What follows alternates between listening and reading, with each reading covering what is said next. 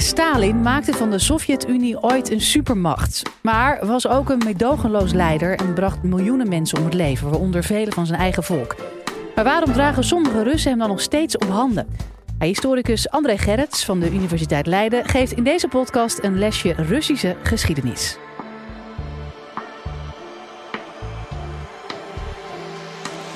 Live vanuit Club Air is dit de Universiteit van Nederland.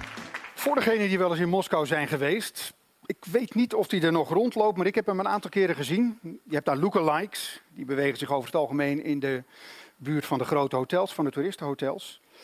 Je hebt er een van Lenin en je hebt er een van Stalin. Het is me altijd opgevallen dat de lookalike van Stalin, dus een heel klein mannetje, hij lijkt ook echt op Stalin, is verreweg de populairste lookalike. Met andere woorden, verreweg de populairste persoon waarmee toeristen op de foto willen.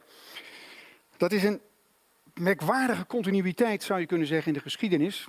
Hoe is het mogelijk dat een van de allergrootste massamoordenaars, uit de moderne geschiedenis in ieder geval, nog steeds, nou, niet alleen veel mensen intrigeert, maar ook nog steeds redelijk populair is, zo niet legitiem. Vooral in Rusland. Probeerde zich voor te stellen wat het zou betekenen als we in Berlijn zouden rondlopen en er loopt een lookalike van Hitler om met toeristen op de foto te gaan. Dat zou nooit worden geaccepteerd. Binnen vijf minuten zou de man worden gearresteerd en afgevoerd. Stalin daarentegen is klaarblijkelijk iemand die niet door diezelfde historische bagage wordt achtervolgd. Hoewel, zal ik betogen, hij minstens zo'n grote massamoordenaar was als Hitler. Is maar een hele korte chronologie voor degenen die niet zo heel erg goed in de Sovjetgeschiedenis zitten. Er was ooit een Russische revolutie. Althans, er was ooit een staatsgreep. Die staatsgreep werd later in de Sovjet-Unie de grote socialistische oktoberrevolutie genoemd. Maar het was in feite niet meer dan een staatsgreep. Ruim een half jaar eerder had zich wel een echte revolutie in Rusland voltrokken, namelijk de februari-revolutie, februari 1917. Die maakte een einde aan het tsaristisch regime. Dat had 300 jaar, de Romanovs, had 300 jaar over, de Rus, over Rusland geregeerd. De regering die kwam nadat de Romanovs vertrokken, die wijfelde. Rusland was zoals de meeste grote mogendheden en ook de kleinere mogendheden, met uitzondering van Nederland. Nam Rusland deel aan de Eerste Wereldoorlog en die voorlopige regering die durfde die oorlog niet stop te zetten.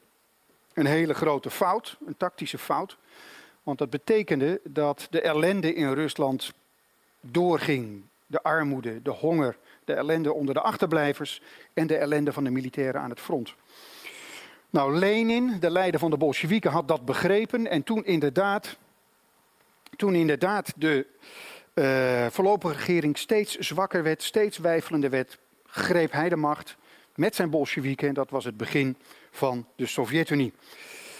De Sovjet-Unie heeft bestaan tot 1991. De cruciale periode was eigenlijk de, waren eigenlijk de jaren van eind 20 tot midden 1950 eind van de jaren 20 tot, om precies te zijn, 55, 56. Dat, waren, dat was de periode van het Stalinisme, de formerende, formatieve periode van de Sovjet-Unie. Op zich heel opmerkelijk dat de Sovjet-Unie werd opgebouwd door diezelfde Stalin, Jozef Vissarionovich Djugashvili, was zijn echte naam. Dat is een heel klein mannetje. Uh, met een heel pokdalig gezicht. Uh, het was een Georgiër, uh, geboren in 1878.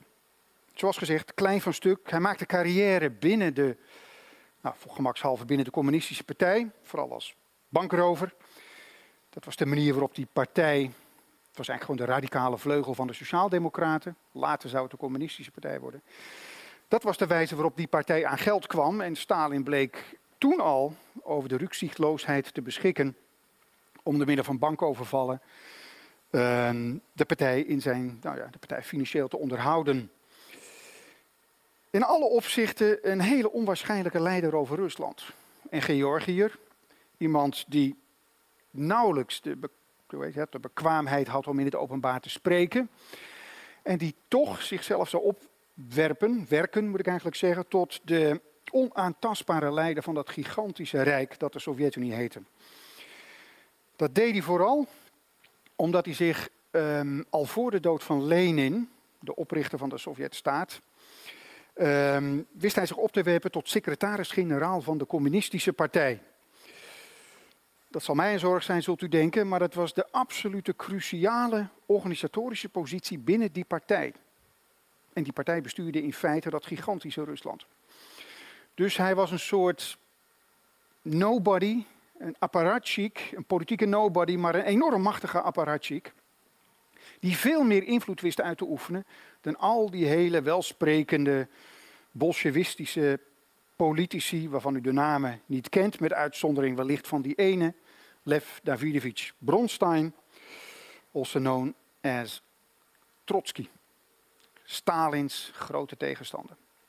Trotsky was een um, eloquent communist, hele internationale achtergrond, een schitterende redenaar, maar niet iemand als Stalin, die populair was bij de kleine man, bij, de bij het gemiddelde partijlid, bij de gemiddelde apparatchik. Uiteindelijk wist Stalin dan ook die machtsstrijd met Trotsky te winnen. En het heeft uiteindelijk Trotsky het leven gekost. Begin van de jaren 40 werd hij in zijn ballingsoord in Mexico gevonden met een ijshaak in zijn achterhoofd. Daarin aangebracht door een van Stalins geheime agenten, vanzelfsprekend. Nou, die Sovjet-Unie die Stalin bouwde, die had eigenlijk drie belangrijke dimensies, zo je wilt. Uh, wijze van politieke organisatie, een hele bijzondere economische organisatie. En tenslotte dan ook nog een, een, manier van het inrichten van de samenleving die we eigenlijk daarna nooit meer zouden zien. Eerst maar eens even die politieke dimensie. Nou, het allerbelangrijkste natuurlijk van het Stalinisme, dat zal een ieder die ooit wel eens iets over Stalin of het Stalinisme heeft gelezen of gehoord met mij eens zijn. Het allerbelangrijkste was een extreme terreur. Het was een extreem terroristisch regime. Um, het helpt af en toe om een vergelijking te maken tussen het Stalinisme en het nationaalsocialisme in Duitsland. Stalins heerschappij in Rusland, Hitlers heerschappij in um, Duitsland. De vergelijking die ik maak is geen morele vergelijking. Uh, ten eerste interesseert het me niet welk regime meer of minder immoreel was. Ten tweede is het ook niet echt van belang om die regimes te begrijpen, om ze door te hebben. Maar het verschil zegt wel het een en ander over hoe die beide regimes werkten. Eerst maar eens even kijken naar de grote leiders, Hitler en Stalin. Hitler regeerde over Duitsland, bestierde Duitsland op afstand. Hij hield zich nauwelijks bezig met de dagelijkse gang van zaken. Een van de meest merkwaardige consequenties daarvan is dat er nooit een document is opgedoken waarin met Hitlers handtekening onder staat Nationaal Socialistisch Duitsland wil alle Joden uit Europa uitroeien. Dat wilden ze, ongetwijfeld. Maar er is geen enkel geschreven bevel van Hitler bekend.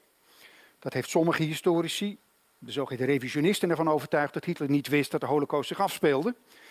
Dat lijkt mij een wat vergaande conclusie. Maar het is wel typerend voor de wijze waarop Hitler over Nazi-Duitsland regeerde. Stalin deed dat volledig anders. Er zijn uh, uit de archieven documenten bekend waarin de namen staan van degenen die tegen de muur gezet moesten worden tegenstanders van Stalin die gefusilleerd moesten worden. Waarbij kleine vinkjes voor sommige namen staan. En daaronder de handtekening van Stalin. Anders geformuleerd, die wel, die niet, die wel, die niet. Stalin zat er bovenop, om het zo maar eens even uit te drukken. Hij hield zichzelf persoonlijk en direct bezig met de terreur over een groot deel van zijn onderdanen.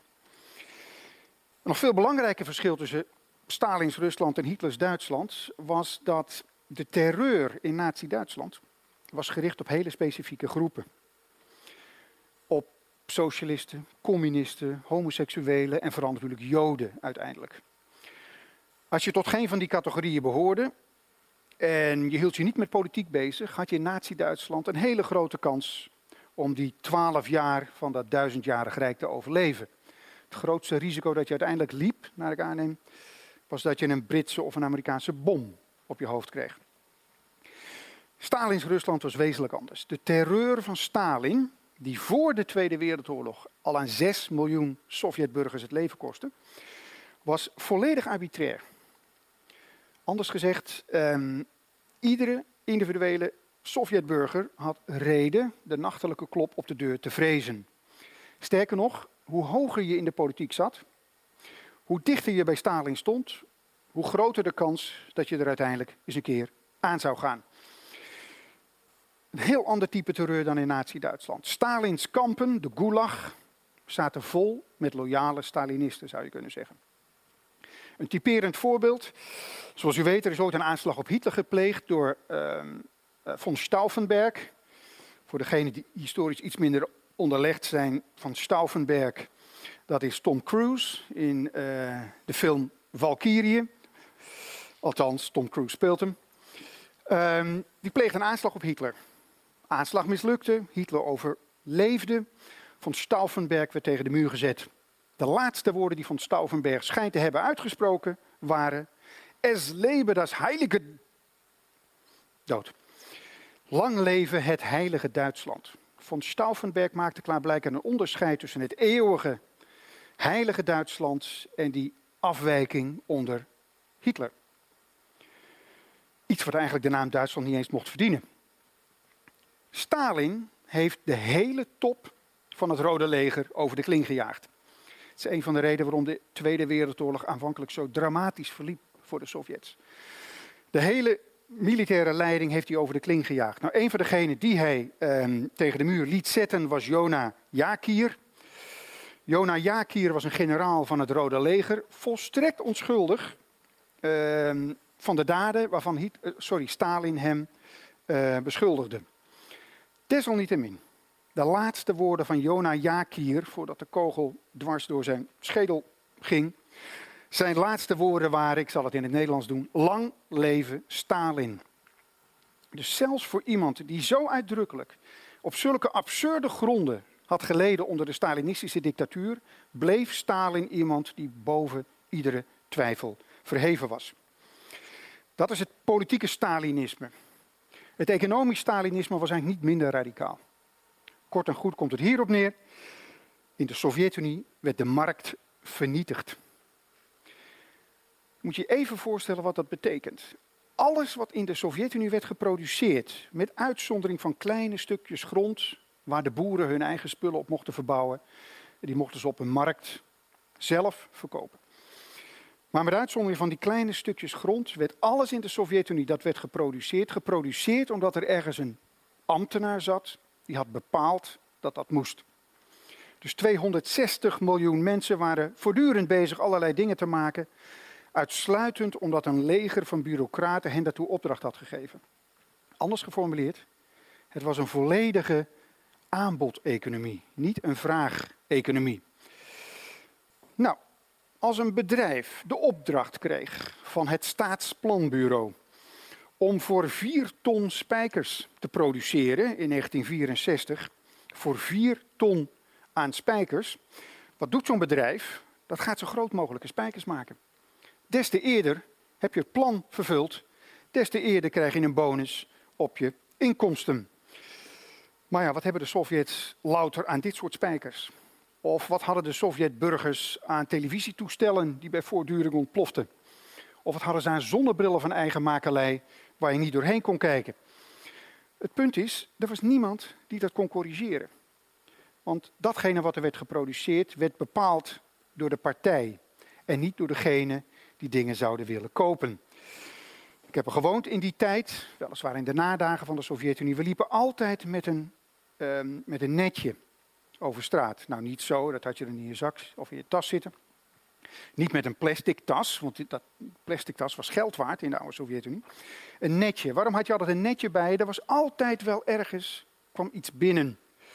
Uh, er kwam net een partij uh, sinaasappels uit uh, van bondgenoot Angola. Dus je had altijd een tasje bij, want je wist nooit of je iets leuks op de kop kon tikken.